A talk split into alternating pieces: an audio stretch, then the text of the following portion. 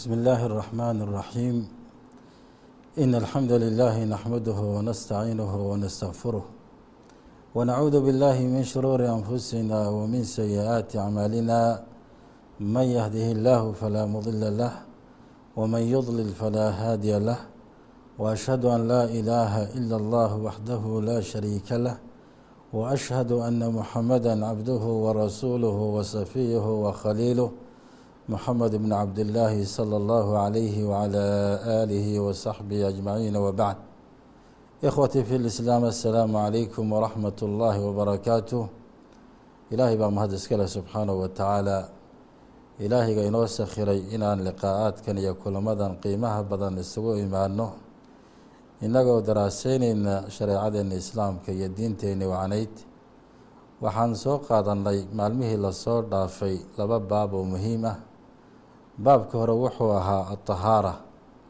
tahaarada waan soo tacriifinay kadibna waxaan u gudubnay qeybaha biyaha. Waxaana sheegnay tahaaradu inay laba qeybood tahay mid xisi ah iyo mid macnawi ah ama mid daahir iyo mid baatini ah kadibna waxaan ka hadalnay biyaha iyo qeybaha ay ka kooban yihiin oo ah laba qeybood biyo daahira iyo biyo najisa.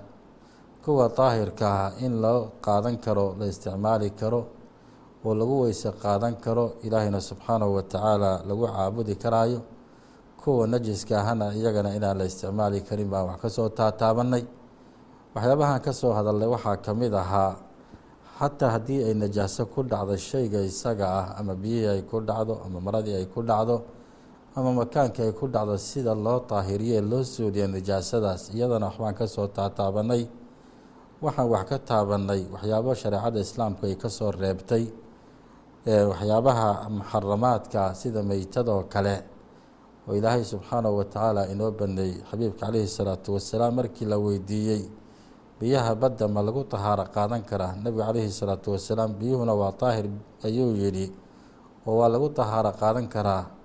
Meydka ku jirana isagana waa xalaal buu idin yahay uu nebigu caleyhi salaatu wasalaam marka waxyaabaha laga soo reebay meytada iyaga waxaa ka mid aan soo sheegnay ama dhiigga isaga ah samaga iyo jaraadka. Waa kalluunka iyo ayaxa. Saasoo kale meytada waxyaabaha laga soo reebo waxaa ka mid ah meytada aan dhiigga lahayn sida daqsida iyo kaneecada iyo kuwa iyaguna najaaso maaha. Waa laga soo reebaa markii meytada laga hadlay qul maa uuxiya ilaya ilaahay subxaanahu wa tacaala qul laa ajidu fima uuxiya ilaya muxaraman calىa طaacimin yطcamuhu ila an yakuuna meytata aw laxma khinziir ila an yakuuna meytata aw dama masfuuxa aw laxma khinziiri fainahu rijsun baana daliil u ah waxyaabahaas baan ilaahay subxaanahu wa tacaala nabiga dheh la yidhi intaan baan ogahay dadka in laga xaaraantimeeyey inay iska ilaaliyaanna loo baahan yahay masalada marka dambe masfuuxa horey baa nooga soo hadalay culimmadu hadal dheer bay ka yidhaahdeen kitaabkana akhrinayna sheekha qore jasaahu llahu khayran. Waxa uu ku tilmaamay in dhiigga masfuuxa uusan ahayn nijaaso ahayn. Naska aayaddan markii la eegay ee jamaahiirta culammadu sida ay qabaanna iyadu waxa weeyaan demka masfuuxa ama demka bulaaca ee ka daata ka daata xoolaha markii la qalo ama qofka ka daata. Iyadana waxay caddaynaysaa inuu rijsi yahay oo damiirkaasa u noqonayo rijsiga ah damka masfuuxa iyo laxmiga khasiirka iyo meytadaasi culmo inta badan ay leeyihiin. Maanta insha allahu tacaala waxaan geli doonaa haddii ilaah yidhaahdo hambada ka hadha biyaha qofku cabo ama xayawaankaba ka hadha aasaar baa la yidhaahdaa al aasaar taasaan insha allahu tacaala aan ka hadli doonaa. Xukunkeeda iyo shareecada islaamka waxay ka tiri haddii aada biyo cabto ama xayawaanku biyaha uu cabo biyaha baaqigee soo haray shareecada islaamku maxay ka qabtaa? Biyahaasi ma najaasa mise waa daahir weeyaan? Daahir haddii la yidhaahdana axkaam baa ka ratimaysa oo waa biyo lagu weyse qaadan karahayo waa biyo lagu suulin karayo xadaskii asqarkahaa iyo kii akbarkahaa labadaba loo isticmaali kara ayaa soo galaya.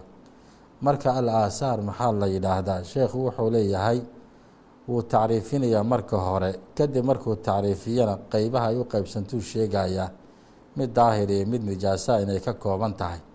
Kadibna mid walba wuxuu kuu sheegahayaa midda nijaasada noocyadeeda iyo habka ay nijaasada u tahay. Midda kale daahirka ahna hambada daahirka ah midda aadamiga iyo waxa ah mid walbana adiladeedu kuu saarahayaa si aad u noqoto qof ku tiirsan mustanad rasmiya iyo nebiga calayhi salaatu wasalaam hadalkiisa qiimaha badnaa.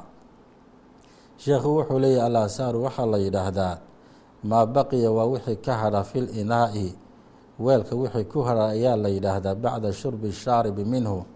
Qofka cabahaya ama axadka cabahaya markuu cabo kadib biyaha ku hadha ayaa la yidhaahdaa al aasaar. Al aslu fi laasaari tahaaratun. Hambada asal ahaan markii la eego sideedaba waa tahaaro weeyaan ilaa maa dalla daliilu calaa nijaasatihaa kal aati ilaa shay uu daliilku ku caddeeyey inay nijaaso tahay mooyaane sida soo socota asal ahaan aasaarku waxaa weeyaan daahir weeyaan al aasaaru daahira ayuu hormariyey hambooyinka daahirka ayuu hormariyey midka koobaad waxa weeye suuri ilaadamiy aadamiga wixii uu cabo wixii ka soo hadha waa daahir weeyaan. Nebiga calayhi salaatu wasalaam nebiga calayhi salaatu wasalaam lima habata ana nabiya sala allahu calayhi wasalam kaana yashrabu min suuri caaisha radia allahu canha nebiga calayhi salaatu wasalaam hambada umuna caaisha wixii ka soo hadha hadday caano cabto iyo biyo cabto. Wuu cabi jiray calayhi salaatu wasalaam ee ma daadin jirin wahiya xaa'idun. Weliba iyadoo dhiig qabto oo caado qabta. Yaa markay caanaha cabto ama biyaha cabto wixii ka soo hadha xabiibka calayhi salaatu wasalaam wuu dhami jiro oo cabi jiray. Bal weliba wayadacu faahu calaa mowdici fiihaa tawaadaca nebiga calayhi salaatu wasalaam eeg meesha ay afka ku qabatay ee ka cabtay buu nebigu afkiisa saari jiro oo ku cabi jiray calayhi salaatu wasalaam waana arrin runtii waxa weeye inoogu sugan laqad kaana lakum fii rasuulillaahi uswatun xasana mucaamaladiisa dayibkeed ee nebigu calayhi salaatu wasalaam uu kula tacaamuli jiray ehelkiisa iyo ummahaat lmu'miniin innagana dayasha inoogu sugan. Midka labaad waxa weeyaan suur ilhira bisadaha iyo mukulaaluhu waxay cabaan wixii ka soo hadha iyadana waa daahir weeyaan. Waxaana uu daliil ah qowlkii nebiga sala allahu calayhi wasalam markuu hirada iyo bisada ka hadlayay wuxuu yidhi waqad sharibat min alinaa'i. Mar ay ka cabtay weel weelasha ka mida nebiga calayhi salaatu wasalaam inahaa leysat binajis inamaa hiya min altawaafiina calaykum aw tawaafaat nebigu calayhi salaatu wasalaam wuxuu qiray inaysan nijaaso ahayn. Waxa ay ka tagtay ee reebtayna nijaaso maayo nebiga calayhi salaatu wasalaam bal wuxuu yidhi waa kuwa idinku dul wareego weeyaan. Hadday yihiin bisado dhadiga iyo kuwo lababa waa kuwa idinku dul wareego idinka dhex bixin weeyaanoo mar walba guryahay soo galahayaan weelkay afka iska gashan hayaan way adag tahayba in laga reebo oo loo diido. Marka bisaduna hambadeeda waxay cabto iyaduna waa daahir weeyaan. Waxaa kaloo iyadana daahir ah su'ri maakuuli laxmi walbiqaali walxamiili wasibaaci wa jawaarixi tayri wa naxwiha. Wax allaaliya wixii hilibkiisa la cuno. Waxa weeyaan biyaha ka soo hadhay hadduu cabo biyahaasi waa daahir weeyaan. Baqalada iyo dameerada iyo dugaagga iyo maaragtay muxuu ahaye wax allaaliya waxaan jawaarixa tayr la yidhaahdee wax dabta iyo wixii la mid ah iyagana si wixii ka soo hadha waxa weeyaan biyahay cabaan wixii ka soo hadhaa hambaa iyadana waa daahir weeyaan. Daahirun liana alasla fi lashyaai tahaara. Daahir waxaan u leehay buu yidhi liannahu aslu fi lashyaai tahaara. Asalka shay walba waxa weye waa daahir weeyaan. Walaa daliila calaa nijaasatihi wax caddaynaya inay nijaaso yihiinna ma jirto. Walianna nabiya sala allahu calayhi wasalam kaana yarkabu alxamiira wa yarkabu calayhi salaatu wasalaam fii zamanihi nebigu calayhi salaatu wasalaam wuxuu fuuli jiray dameerkuu fuuli jiray. Dameerkana waad ogtihiina wuu dhididayaa haddii uu dhididana haddee nebigu calayhi salaatu wasalaam wuu baashiraayey dharkiisuu taabanayey. Calyadiisa calayhi salaatu wasalaam marka waxyaabahaasoo dhan kulli waxa weeyaan wuxuu ku soo duuduubay sheekhu ou yidhi waxyaabaha iyaga ah asal ahaan daahirba weeyaan. Ciddii tiraahdaa hambadooda iyo waxay cabaanna waa nijaaso weeyana daliil baa looga fadhiyaa weeyaan waxyaabaha aan soo sheegnay saddexda ah hambadoodu waxa weeye midda aadamiga ee bini aadamka iyo midda bisaduhu cabeen iyo midda xayawaanaadka ma'kuulu laxmiga ay cabeen wixii hambahoo ka soo hadhay waxa weeyaan waa daahir weeyaan. Waxaa jiro oo kale oo sheekhu inoo sheegay laba maaragtay nijaaso ah hambadooda iyo biyahay cabaan iyo wixii ka soo hadha labadaasi midna waxa weye waa eyga weeyaan kelbi baa lagu yidhaahdaa afka carabiga midna waa doofaarka khansiirka la yidhaahdo weeyaan. Labada waxay cabaan oo ka soo hadha iyaga waxa weeyaan daahir meehe nijaasay mubaasharatan noqonayaan. Hadalka nebiga calayhi salaatu wasalaam baana daliil u ah. Markuu nebigu calayhi salaatu wasalaam ka hadlahayay eygu markuu afka weelka la galo sida loo daahiriyo wuxuu yidhi calayhi salaatu wasalaam tahuuri inaai axadikum idaa walaqa alkalbu fiihi an yaqsilahu sabca maraat ulaahuna bituraab nebigu calayhi salaatu wasalaam habka loo daahiriyo weelka haddii uu eygu la galo afka la galo waxa weeyaan bui toddoba jeer baa la dhaqayaa. Midda ugu horeysana waxaa lagu dhaqayaa ciid baa lagu dhaqayaa. Waana ka soo hadalnay markii aan ka hadlaynay waxyaabaha nijaasada iyo habka loo suuliyo ee maaragtay nijaasada iyadaa looga suuliyo looga qaado. Masalada kalena waxa weeye suur khansiir khansiirka wixii hambow ka hadha isaguna waxa weeyaan nijaaso weeyaan. Ilaahay baana qur'aankiisa ku sheegayoo subxaanahu wa tacaala oo laxmi khansiirin fa inahu rajsun buu yidhi. Hilibka khansiirka iyo wamaa tawallada minhu iyo wuxuu cabee hambeeye iyo xaarkiisa iyo kaadadiisa kulli waxa weeye nijaaso weeye. Meeshay taabatana waa in laga maydho. Dhul hadday taabatana waa in laga suuliyo. Hadday jir taabatana waa in laga maydho laga dhaqo weeyaan. Sidaasuu nebigu calayhi salaatu wasalaam noo sheegay najisku waxa weeye famaa tawallada minhu yakuunu najisan. Isagaiyo wixii ka beerma oo ka dhasha waxay noqonayaan nijaaso ayay noqonayaan. Taasi waxay ahayd wixii ka soo hadho hamba ayay ahayd. Baabka kalen u gudbayna waxa weeye baabal aaniya weeyaan. Waa weelasha iyo awciyada la isticmaalay dadku ay wax ku cunaan ay wax ku cabaan weeyaan.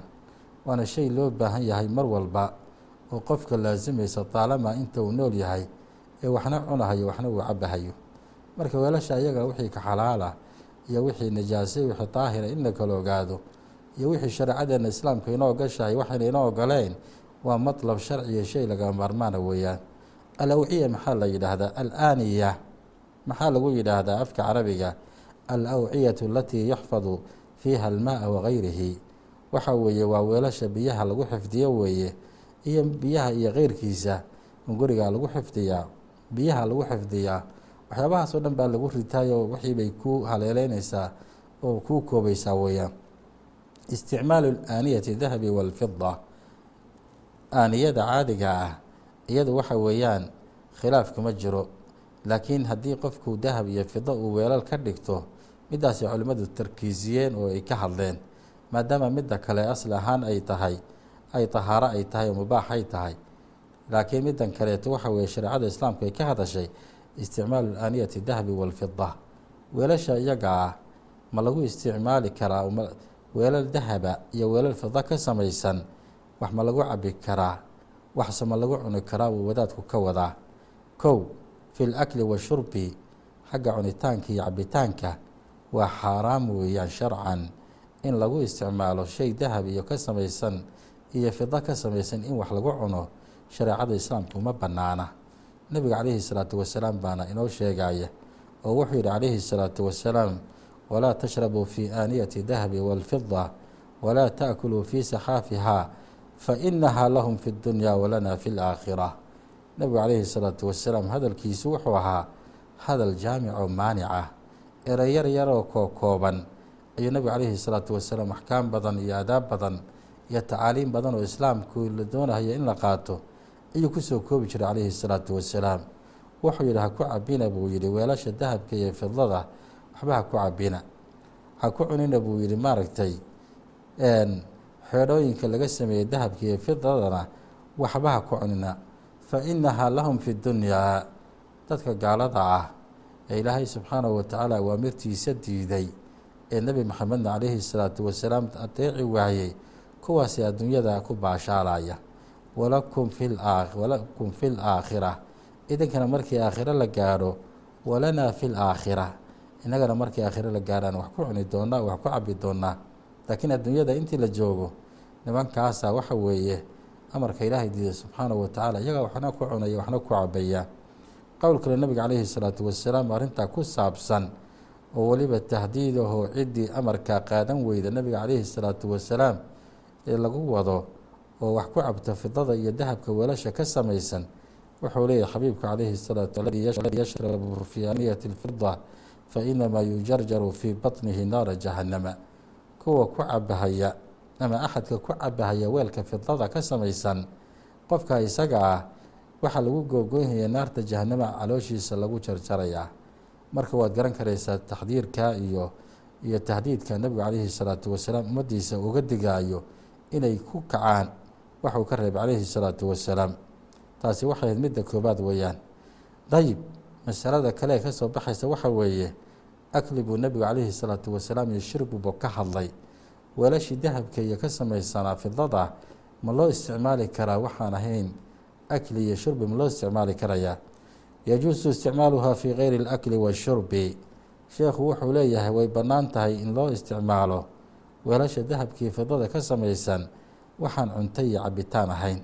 Dabcan waa masalo khilaafiya weeyaanoo culimo badan waxay qabaan inaan sida aan lagu isticmaali karin cunitaanka iyo cabitaanka wa in kaana taasi nascad uu ku soo arooray inaan waxyaabahan kaleetana la yska daayo oon loo dhowaanin laakiin sheekhu wuxuu leeyahy waa loo isticmaali karahayaa kalwuduu'i wa kayrihi weyseqaadka iyo keyrkiisaba waa loo isticmaali karahayaa liiqtisaari alxadiisi asaabiqi cala aطacaami washaraabi sababtoo xadiidkan hadda aan soo akhrinaynay waxa uu ku gaabsaday cuntada iyo cabitaanka in la diidaayo keliya.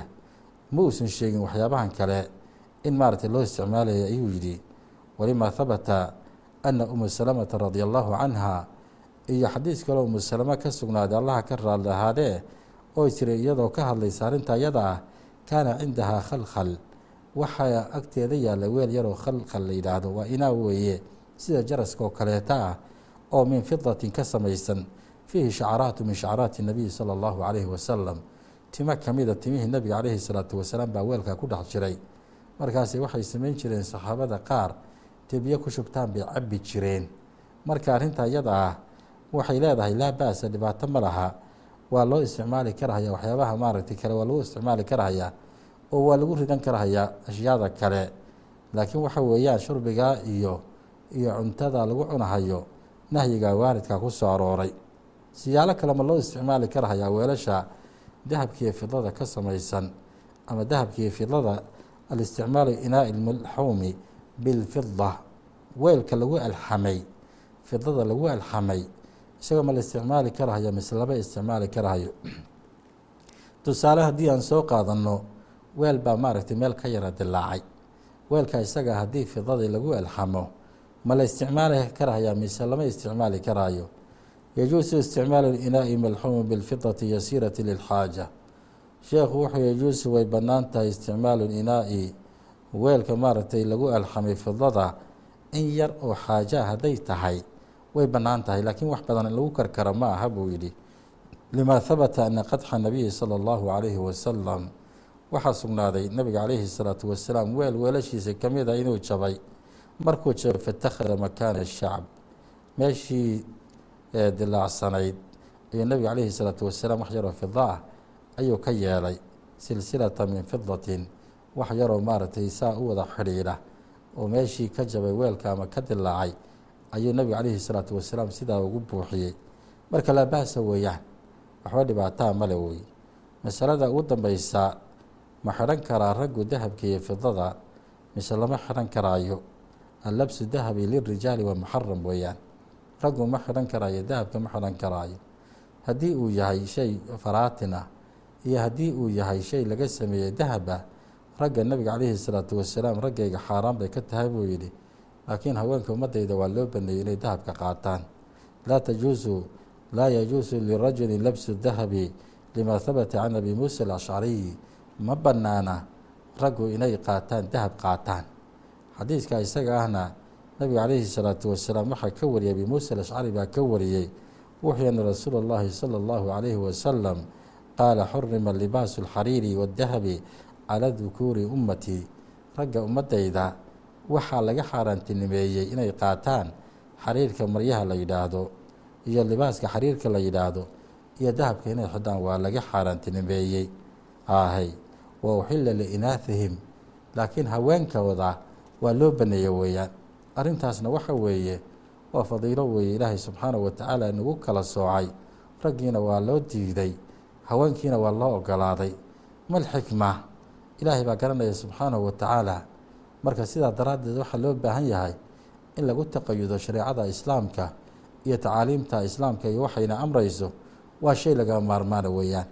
Baabka kale ee ku xiga waxa weeye axkaamu qadaa'i xaaja axkaamta ku soo aroortay habka loo guto xaajada loo guto qofka hadduu u baahdo inuu saxaroodo ama inuu kaadiyo axkaam baa ku tacalluqday.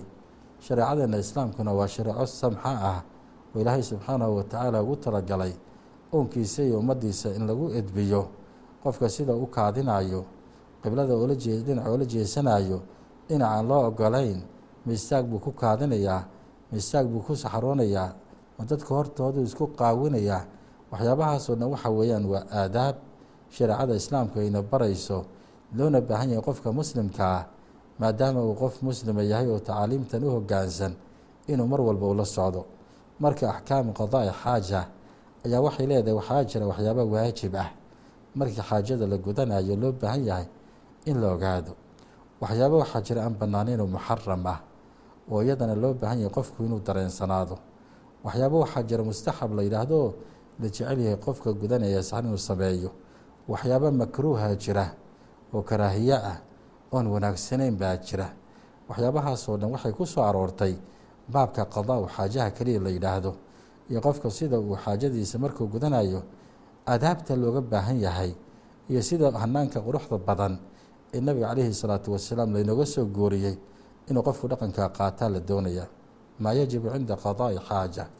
Waxyaabaha waajibka ah markii qofkuu gudanayo xaajadiisa waxaa ka mid ah sitru alcawrati min annaas ahnaa'i qadaa'i xaaja inuu qofku cawradiisa asturto inta uu gudanayo xaajadiisa. Wakhti kastaba hala ekaatee inuu cawradiisa asturto waajib bay ku tahay. Nabiguna calayhi salaatu wasalaam wuxuu yidhi sitru maa bayna sitru maa bayna acyuni اljini wa cawraati bani aadam idaa dakhala axaduhum alkhalaa an yaquula bismi اllaah sitriga udhaxeeya iyo asturaadda iyo xijaabka udhaxeeya jinniga indhihiisa iyo cawrada bini aadamka waxa weeyaan markii uu galo meesha uu ku saxaroonayo inuu bismi illaahi uu ku gala la doonaya ee inuu qofku iska gala ma aha arrintaasi waa aadaab nabiga calayhi salaatu wasalaam waana xisni xasiin ahoo loo baahan yahay qofku mar walba inuu kaalmaysto allah subxaanahu wa tacaala sababtoo isagaa muciina weeyaan. Haddiise naftaada aada tala saaratid hadda ilaahay subxaanahu wa tacaala jinni iyo shayaadiin ayuu kugu imtixaanayaa adtanasuhu can isaabati nijaasati lithawbihi aw badanihi baa ka mid ah waxyaabaha waajibka inuu qofku ka ilaaliyo oo ka dheereeyo waxyaabaha nijaasada ah jirkiisa iyo badankiisa iyo dharkiisaba iyadana waajib bay ku tahay.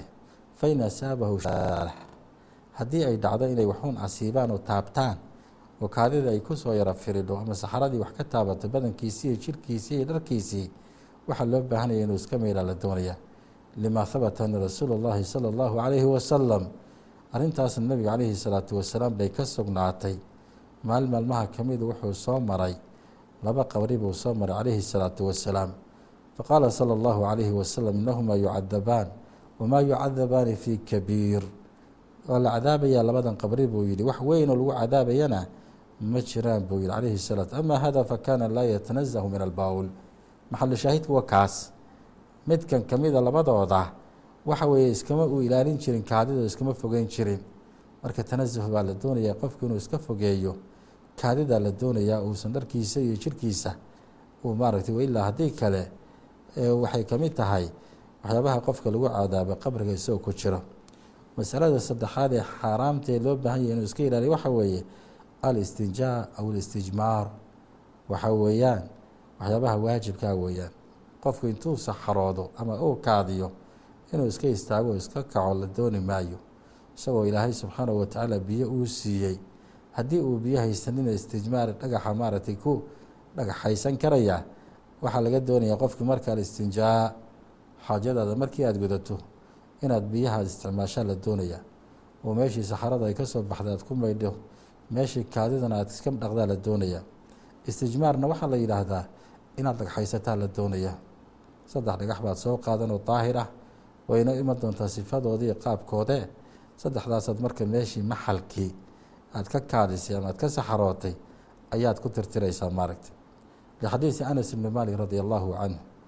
Waxaa daliil u ah arrintaa iyada ah xadiiska anas ibni malik nabiga calayhi salaatu wasalaam uu inooga sheekeeyey kaana rasuulu llahi salى allahu alayhi wasalam yadkhulu lkhalaa'a faaxmilu ana waqulaami naxwi idaawata min maa wuxuu nabiga calayhi salaatu wasalaam markuu galahayo musqusha markuu galo kaana nabigu calayhi salaatu wasalaam wuxuu ahaa yadkhulu lkhalaa kii gala wuxuu ahaa meesha lagu saxarooda ayuu ahaa faaxmilu waxaan u qaadi jiray buu yihi ana aniga iyo waqulaamu naxwi aniga iyo kuray ilamida waxaan u qaadi jiray buu nabigu calayhi salaatu wasalaam idaawatan min maa weel biyo ay ku jiraan baan u qaadi jiray calayhi salaatu wacanaza iyo ushiisii nabigu calayhi salaatu wasalaam baan u qaadi jiray buu yihi fayastanji bilmaa markaasuu nabigu calayhi salaatu wasalaam markii saxaradiisi ay u dhammaato calayhi salaatu wasalaam buu marka ku istinsoon jiray. Biyahaasuu nabigu calayhi salaatu wasalaam ku istinsoon jiray. Maxalu shaahidku marka waa maxay? Waxa weeyaan in maaragtay biyaha qofku ku istinsoodo haddii markaa biyo aysan haysaninna inuu dhagxaha isticmaalo waxyaaba kaloo la isticmaali karaa jiro sida waraq oo kale warqadaha nadiifta oo kale manaadiisha oo kale iyo wixii lamida waa la isticmaali karahaya waxyaaba muxaram oo inoo imaan doono la isticmaali karinna way jiraan. Rabbi waxaa weydiisanaynaa subxaanahu wa tacaala inuu inaga dhigo kuwii tacaaliimta islaamiga ah ee ilaahay subxaanahu wa tacaala inoo cadcadeeyey. Nebiguna calayhi salaatu wasalaam inooga soo naqliyey ee loo waxyooday kuwii qaata ilaahay inuu inaga dhigo saqiiraha wa kabiiraha sidaasaana sacaadatu fi dunya waalaakhira ay ku jirtaa haddii aan tacaaliimtaa qaadano iyo aadaabta nebiga calayhi salaatu wasalaam lainooga soo guuriyey aakhriya adduunba waa liibaanina ikhwati fi lislaam اkتفي بhذا الqدر وصلى الله على نبينا محمد وعلى آله وصحبه أجمعين وجزاكم الله خيرا وبارك الله فيكم